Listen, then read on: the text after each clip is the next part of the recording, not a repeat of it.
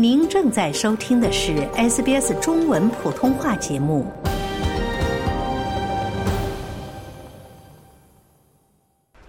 这对生活在珀斯的父子每周要支付三百澳元的房租，但却也只能住在后院的简陋棚屋内。No, never.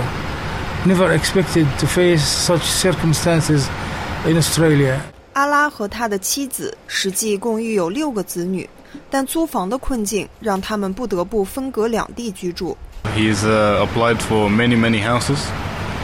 yeah, fifty to sixty houses, and because of the family size, they reject it straight away.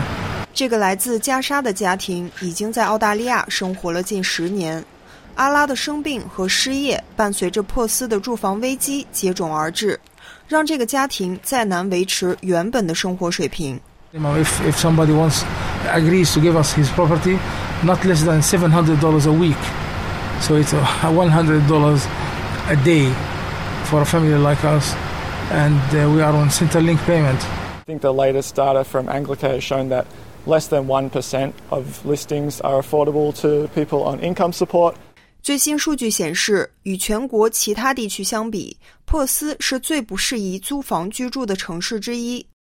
二零二三年底，珀斯的租房空置率仅有百分之零点五，远低于百分之一点三的全国平均水平。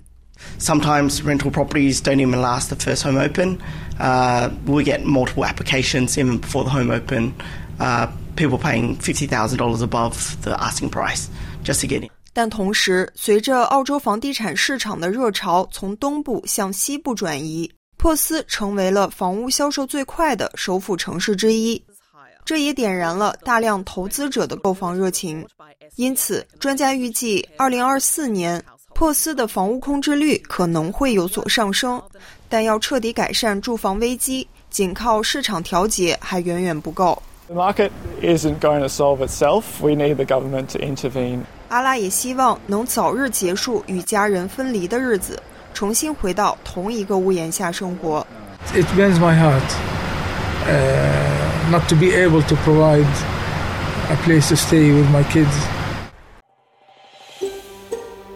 想听到更多这样的故事吗？